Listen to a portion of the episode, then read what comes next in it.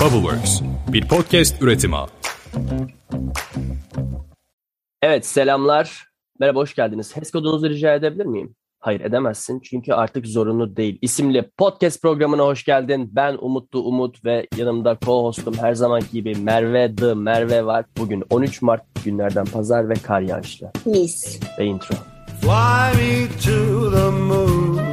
Let me play among the stars. Bugün ne yiyeceğiz? Evet bugün ne yiyeceğiz? Bugün ne oynayacağız? Başlıkta yazmıyormuşçasına. Bugün ne oynayacağız? Bence kartop oynayabiliriz. Bugün kartop oynama günü zaten ama başka bir şeyler de oynayacağız sanırım. Çünkü bugün oyun tanrısı bizimle Sayın Demeter. Merhabalar, merhabalar. Hoş geldin Gökçen. Tanrıça olması gerekiyordu galiba bir de. Haydi bakalım buradan da bir cinsiyet linçi yiyelim. ya ben en sevdiğim şey biliyor musun cinsiyet linç yemek. 3-5 ayda bir yerim. Ben baktım Umut eksikliğini hissediyor. Direkt konuyu cinsiyetçiliğe getiriyorum. Ve hemen o eksikliğini gideriyoruz. Ama bu bölüm eğlenceli oyun bölümü. Bu bölümde de yemeği verelim. Evet Merveciğim lütfen artık konuyu sen alır mısın? Çünkü ben gördüğün gibi linç yiyorum. Ağzım dolu. Evet, bugün benim can arkadaşım, eski komşum, dediğiniz gibi oyun tanrıçası Gökçen'le birlikteyiz. Gökçen birazcık kendinden bahsetmek ister misin bize? Selamlar. Bugün burada olmamın sebebi oyun konuşacak olmamız. Oyun Atlası diye bir sosyal girişimim var ve sanırım çocukluğumdan beri oyun oynuyorum. Sonra da bunu işe çevirdim. İşim oldu. O yüzden bugün karşınızdayım. Detaylar az sonra.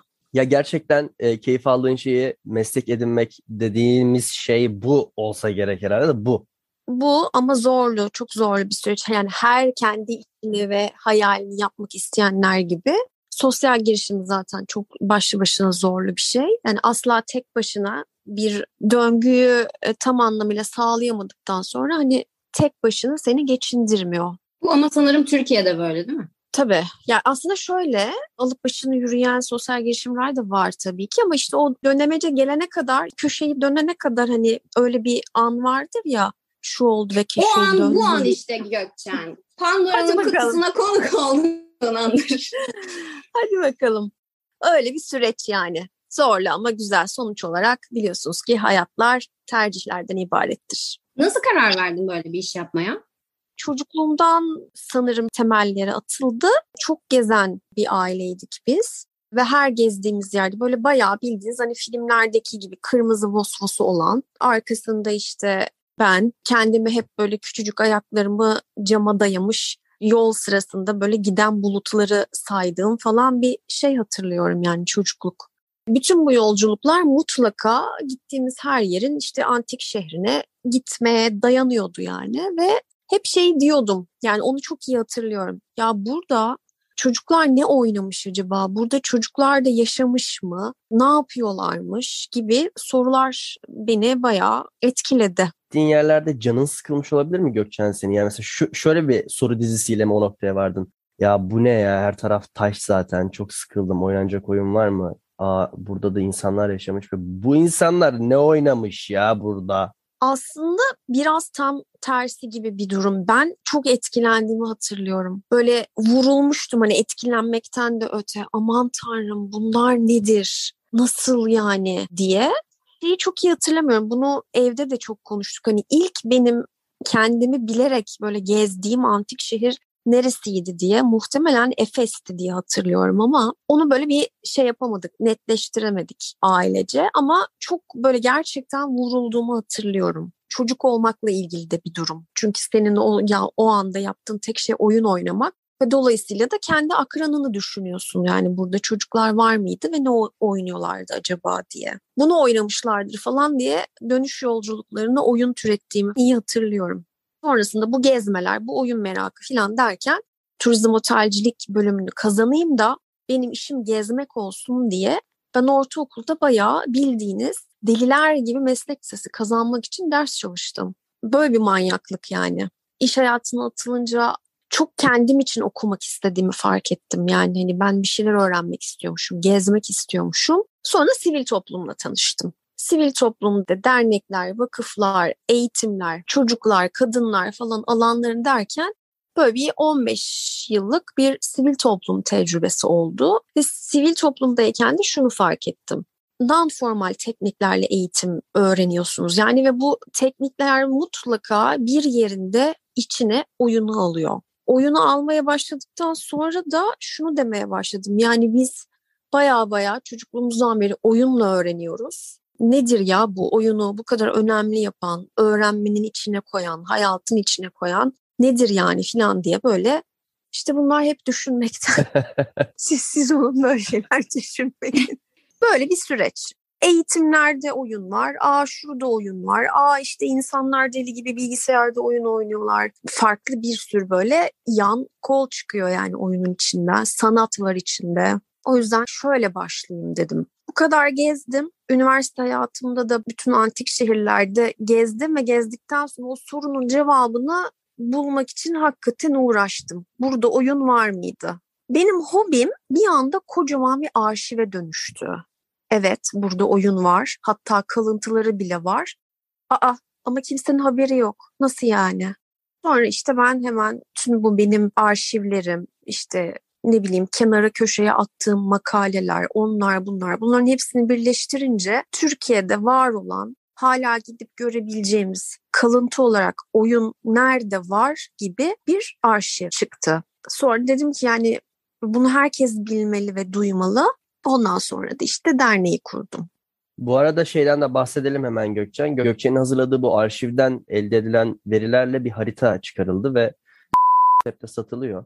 Engelsiz Yaşam Vakfı'na bağışlanıyor e, gelirleri. Bunu da oradan duyuralım. Ben araya girdim çok özür dilerim. Çünkü hikayenin sonuna doğru gitmeye başladın. Arada başka şeylerden bahsetmek istiyorum. Mesela oyunun aslında sosyal anlamda ne kadar önem arz ettiğini konuşmamız şart bence. Çünkü biraz şöyle de bir durum var. Oyun dediğin kavram insan ilişkilerini geliştiren bir olay. Çünkü biz oyunu her zaman tek kazananı olan oyunlar olarak görmüyoruz. Aslında sosyal yaşamın oluşmasının sebebi hep çift kazananı olan ya da daha fazla kazananı olan oyunlar oynayıp ortak kazanç elde ettiğimiz için sosyal toplumda biraz oluşuyor. Yani mesela illa birisi aç kalacak, birisi tok kalacak değil. Her ikisi de tok kalabilecek bir şekilde bir konsepte evirebiliyoruz ve bu da aslında temel mekanizmada bir oyun prensibi.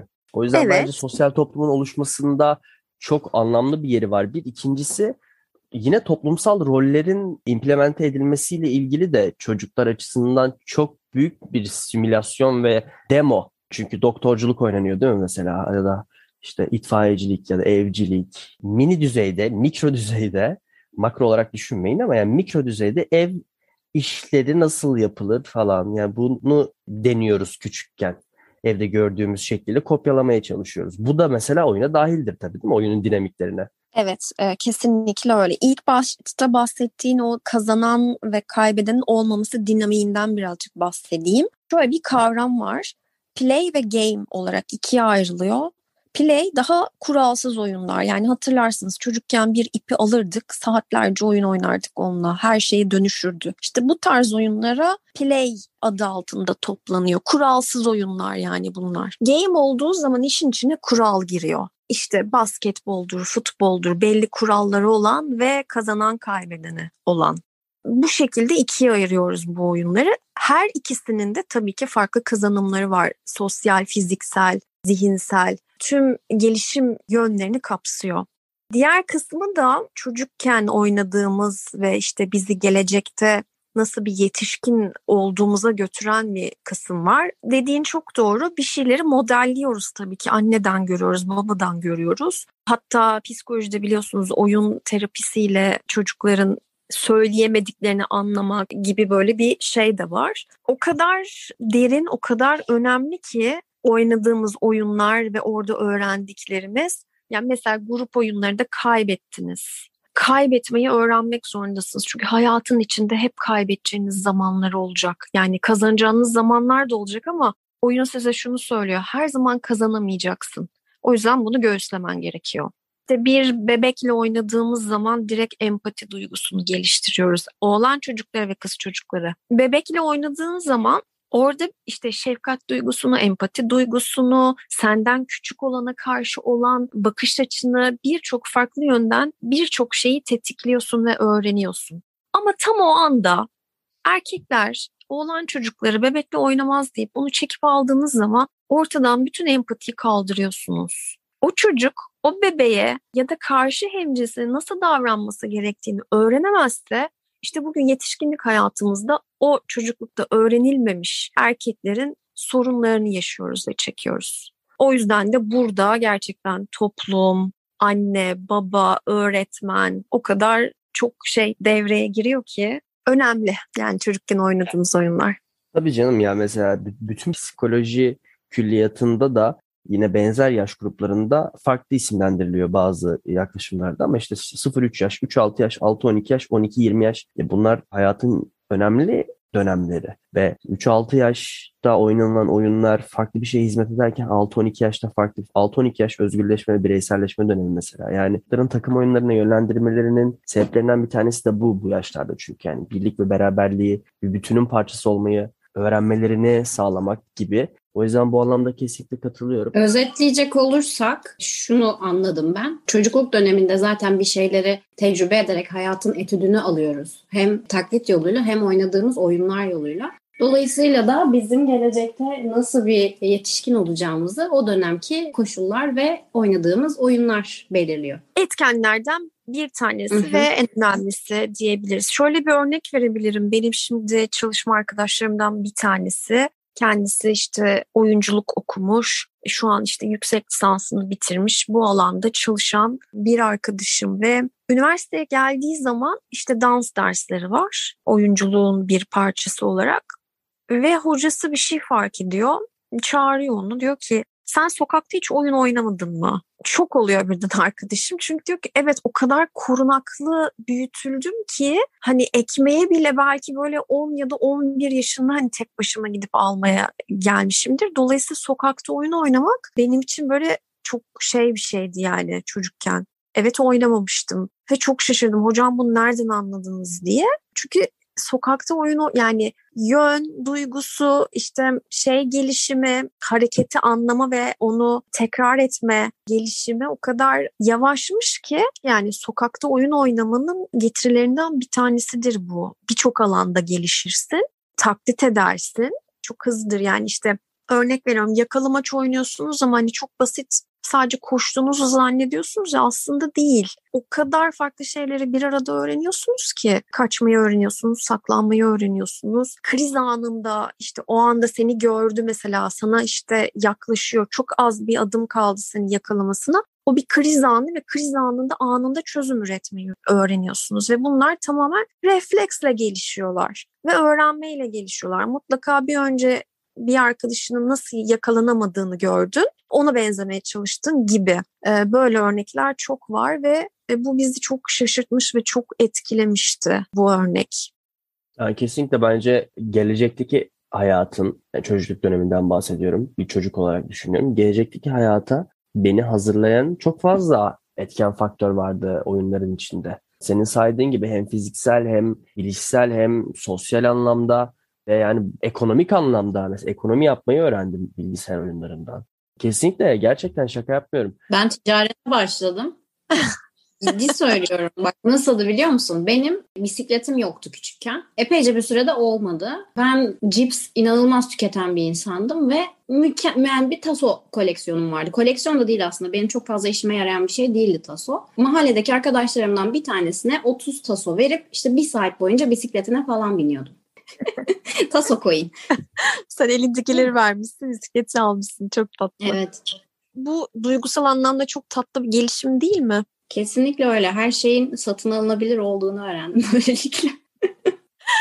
Ama orada da bir şey geliştirdin. Yani paran yok. Param var canım. Para ne demek yok? Çocuk para istemiyor ki. Çocuk taso istiyor. Elinde olmayan tasolar istiyor. E onu işte para kavramı gibi düşünürsen yani o senin şu an yok. E, bisiklet alabilecek kadar da büyük bir hani taso topluluğun yok. E, ne yapıyorsun? Elindekilerle var olan var olabilecek çözümleri üretiyorsun. Muhtemelen sokakta büyüyen bir sürü çocuğun işte limonata satmışlığı, elindeki işte yapıp bilezik satmışlığı mahalledeki büyüklerine vesairelerine vardır yani. Bunların hepsi farklı farklı alanlarda kazanımlar oluyor. Evet Peki ya. ne oluyor da biz oyun oynamaktan vazgeçiyoruz?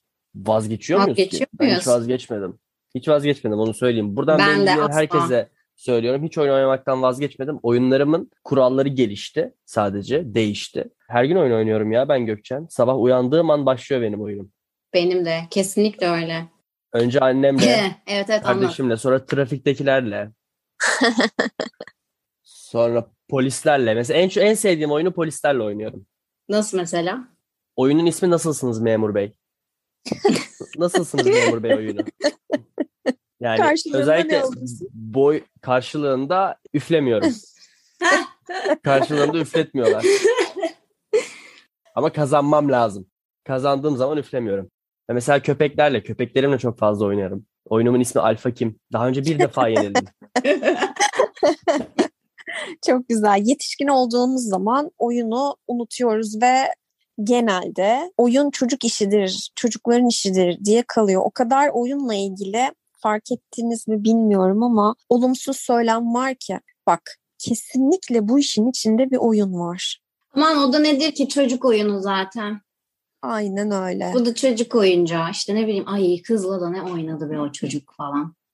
Ya oyun oynamak ne be? Çocuk musun? Kesinlikle öyle. Çocuklukla eşleşen bir tanımı var ama hayır. Oyun herkes içindir. Herkes için var ve olması gerekiyor. Tam da bu noktada size tarihi bir örnek vermek istiyorum. İşte Bugünün Manisa'sı eski Sardes antik kentinde Lidyalılar yaşar. 18 yıllık bir kıtlık yaşıyorlar. Ve benim bir hocam vardı derdi ki Lidyalılar parayı değil oyunlaştırmayı bulmuşlar diye. O kadar katılıyorum ki. Şöyle 18 yıl gerçekten ciddi bir zaman. Herodot'ta işte farklı yerleri geziler yapıp araştırmalar yaparken Lidya'ya da yolu düşüyor ve diyor ki yani Sardes antik kentine pardon yani bu insanlar 18 yıldır kıtlık yaşıyorlar ve nasıl dayanmışlar? Şehre bir giriyor ki askerlerden tutun da halka kadar ellerinde aşık kemikleri birbirlerine atıyorlar. Benimle aşık at, atma, benimle aşık mı atıyorsun da tam olarak buradan geliyor. Yani aşık atmanın gerçek halinden geliyor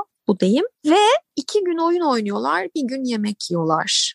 İşte Üç gün oyun oynuyorlar, bir gün yemek yiyorlar. Ellerindeki az olan malzemeleri kendilerini oyun oynayarak oyalayıp bir hayatta kalma mücadelesi veriyorlar ve başarılı oluyorlar yani.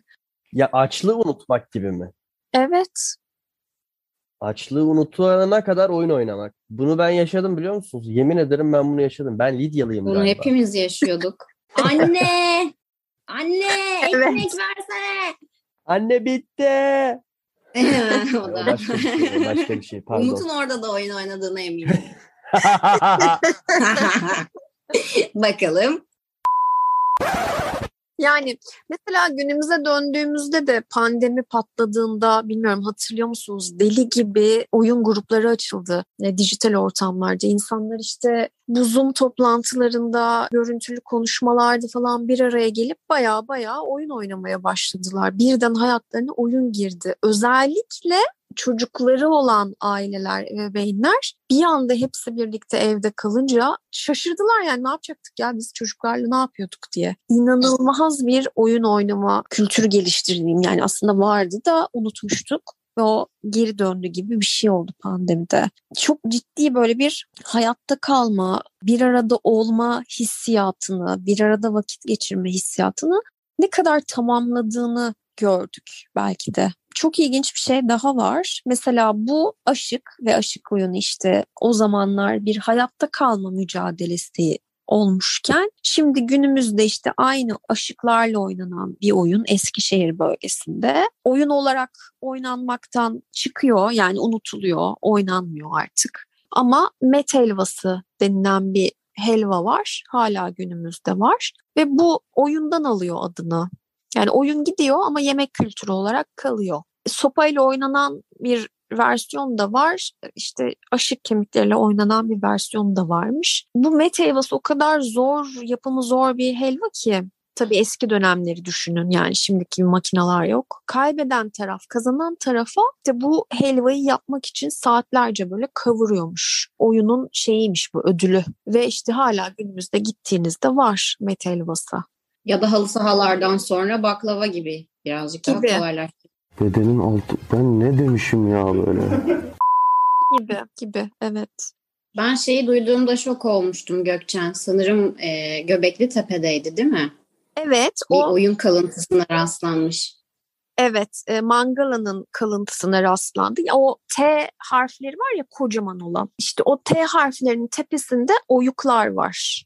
O oyukları da ilk tabii o kazıyı yapan araştırmacılar bunun işte Mangala oyununun versiyonu olduğunu söylediler. Fakat şu an henüz yani net e, tarihlenmedi bu kaç yılına ait. Hı hı. E, çünkü biliyorsunuz kazılar böyle katman katman ve her bir katman bir dönemi veriyor. Helenistik dönemden yani 3000-4000 yıllık bir mazisi var bulunan antik şehirlerdeki oyunların.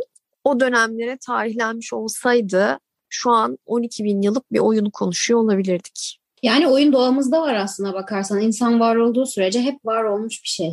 Düsel olarak var çünkü bir şekilde öğrenme oradan geçiyor. Huizinga diyor ki bu oyun araştırmacılarından bilinen en büyüğü diyeyim. Oyun kültürden bile eskidir diyor.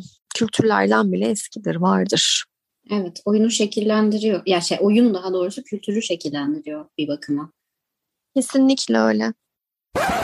Hanımefendiciğim, makinanızın rezistansını kireç bağlanmış. Ne yapmam lazım? O zaman kullan şu kireç önleyiciyi arkadaşım. E, bu kadar oyun konuşmuşken e, hadi bir oyun oynayalım o zaman. Ay hadi oynayalım. Oynayalım oyun dendi mi? Ben yalnız ben çok kompetitifimdir ha. Beni tanımazsınız yani oyunda oyunda beni tanımanız lazım. Platon'un bir sözü var. Der ki bir insanla bir hafta geçireceğinize bir saat oyun oynayın. Onu çok iyi tanırsınız. Ki zaten de öyledir yani. Bir oyun oynadığınız zaman kimin hırslı, kimin uyumlu, kimin mızıkçı, e, kimin böyle bireysel, kimin daha böyle grup hareketine yatkın olduğunu çok iyi anlarsınız. Artık bu iş alım süreçlerinde bile kullanılan bir şey oldu Yeni makinamda bir daha kireç çözücü kullanacağım. deyip hemen geri dönüyorum oyuna. Efendim şimdi Pandora'nın kutusu açıldığından beri şu ortaya saçılan kötülükler, işte savaşlar, onlar Ay benim iç çamaşırım orada kalmış pardon. toparla çocuğum hemen. Çamaşır önemli değil de içinde numaralar vardı. Evet ya ayrıca anne bitti. ya Çok geliyorum. pardon Gökçen çok özür dilerim. Hadi Gök. Ay. Evet, nerede kalmıştık? Ben o yüzden sizi uzaya götürmek istiyorum. Yani bu dünyayı bir bırakalım, orayı keşfedelim. Hazır mısınız? Go. Ziyadesiyle. Harika.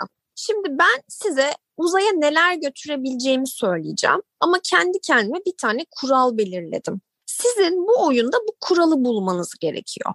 Kuralı bulduğunuzda kuralı bulan kişi oyuna devam eder. Bu çok güzel böyle ekip arkadaşlarınızla tatile gittiğinizde, arabada seyahat ederken çocuklarınızla oynayabileceğiniz bir oyundur efendim. Hocam bir şey sorabilir miyim tam bu noktada? Instagram takipçilerimizle de oynayabilir miyiz şu an bunu? Ay harika olur. Evet tabii ki oynayabiliriz. Tamam o zaman kuralın ne olduğunu açıklamıyoruz. Tamamdır. Harika bir fikir. Bilenler de oyun atlası Joe ve Pandora'nın kutusu yok lan bizimki neydi? Bizimkisi Podcast. neydi? Ee, tamam bizimkini biliyorsunuzdur bulursunuz herhalde. Muhammed Talha La ilahe illallah mı demek istersin? Oyun mu oynayalım? Aferin benim oğluma. Oyunu oynayalım. Aferin oyun oyna oğlum. Aferin. Go. Go. Ben uzaya yanımda gazete götürüyorum. Ana olsun. Sen ne götürüyorsun Merve? Bir kahve fincanı götüreyim. Umut sen ne götürüyorsun? Ben kolonya götüreceğim. Temiz Ay maalesef. Ben gazete götürebilirim ama Merveciğim sen kupa götüremezsin kahve kupası. Sen de Umut'cum maalesef çok üzgünüm kolonya götüremezsin. Nasıl götüremem? Gökçen. Pandemi koşullarında şu oyunu düzgün oynayalım lütfen ya. Başka Tamam. şey götürme deneyelim. Merve ne götürmek istersin? Bu sefer götürmemiz lazım Merve bir şey. Elimiz boş hala. Bilmiyorum farkında mısın? Uzaydayız ve çırılçıplam. Farkındayım. Bir tur daha bilmek. Röpte şambur istersin diye düşünmüştüm ben ama. Biz zaten şu an onu söyleyeceğim. Umarım götürebiliyorum diye. Sen peki Merve ne götürmek istersin? Ben de battaniye götürmek istiyorum ya. Soğuktur herhalde. Çok üzülerek söylüyorum ki ikiniz de maalesef bunları götüremezsiniz. Ama ben gözlük götürebilirim. Gözlük götürülüyor, gazete götürülüyor. Tamam ben de kitap götürüyorum. Kitap götürüyor Merve. Ben de ne götürüyorum? Ben de tamam o zaman madem uzaydayız ben gimbal'ımı götürüyorum. Çünkü birazcık çekim yapacağım. Aa, e, o zaman sen gimbal'ını getirebilirsin. Ben de Nasıl gözlüğümü- gimbal'ımı getirebiliyorum ya? İnsanlar kahve röpte şambur getiremezken ben nasıl gimbal'ımı götürebilirim? Nasıl bir yerdeyiz uzayda ya böyle? gimbal'ını getirebilirsin sonuç olarak yani. Hmm, Bence gayet de orada ihtiyacımız olacak bir şey. Tamam canım. Önemli değil. Uzaydayız. Herkesin kafası karışık. Olur böyle şeyler. Gözlüğümü de getirebilirim, gazetemi de getirebilirim ama Merveciğim üzgünüm kitap getiremezsin deyip oyunu burada kesiyorum ve sizi yorumlarda kuralı bulmaya davet ediyorum arkadaşlar. Merve yine bükük, Merve yine piç. Merve hiçbir şey götüremiyor arkadaşlar. Ha Merve çırılçıplak kaldın ama ben gimbal'ımla e, müstehcen yerlerimi kapatabilirim uzayda. Gazeteden bir parça da ben alayım bari o zaman. Oyunun kurallarını bulan ilk üç kişiye buradan kocaman bir Mutluluklar diliyoruz.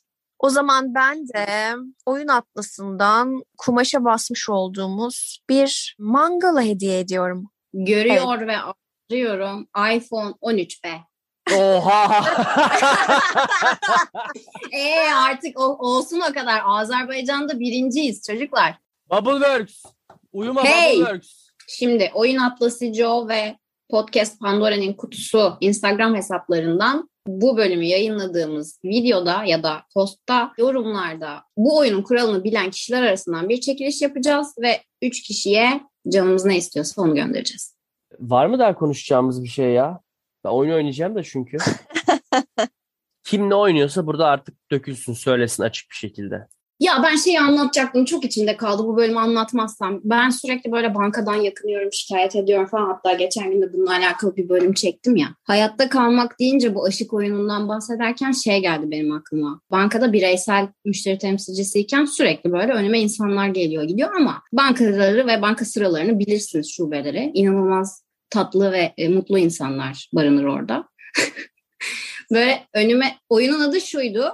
Hoş geldin önüme gelen ve suratı asık ve şikayetçi her müşteriden mesela atıyorum o gün önüme 20 kişi geldi ya bunlardan kaçını gülerek göndereceğim buradan. O benim, benim için bir challenge'dı mesela. Böyle hayatta kalıyordum. Ee, arkadaşlar oyunlaştıralım, oyun oynayalım. Ee, benim en sevdiğim oyun galiba kedimle oynadığım oyunlar şu sıra. Dijitalde çok oyun oynuyor muyum? Merve'nin bilgisayarda herhangi bir şey oynayabileceğini düşünmüyorum. Neden? Neden? Me- Merve'nin bilgisayarla ilgili hep sorunları varmış gibi hissediyorum ben yani kafamda. Evet. Bilgisayarın bende sorunu var daha çok aslında ama yani onu da oyunlaştırıyorum be. Bugün bilgisayarım açılacak mı? Bugün bilgisayarım bana sorun çıkarmadan kaç dakika? Aynen bahis. Eve gelenlere de yapıyorum bunu. Para kazanmaya başladım böylelikle. Fly me to the moon. Let me play among the stars. Let me see what spring is like on Jupiter and Mars. In other words, hold my hand. In other words,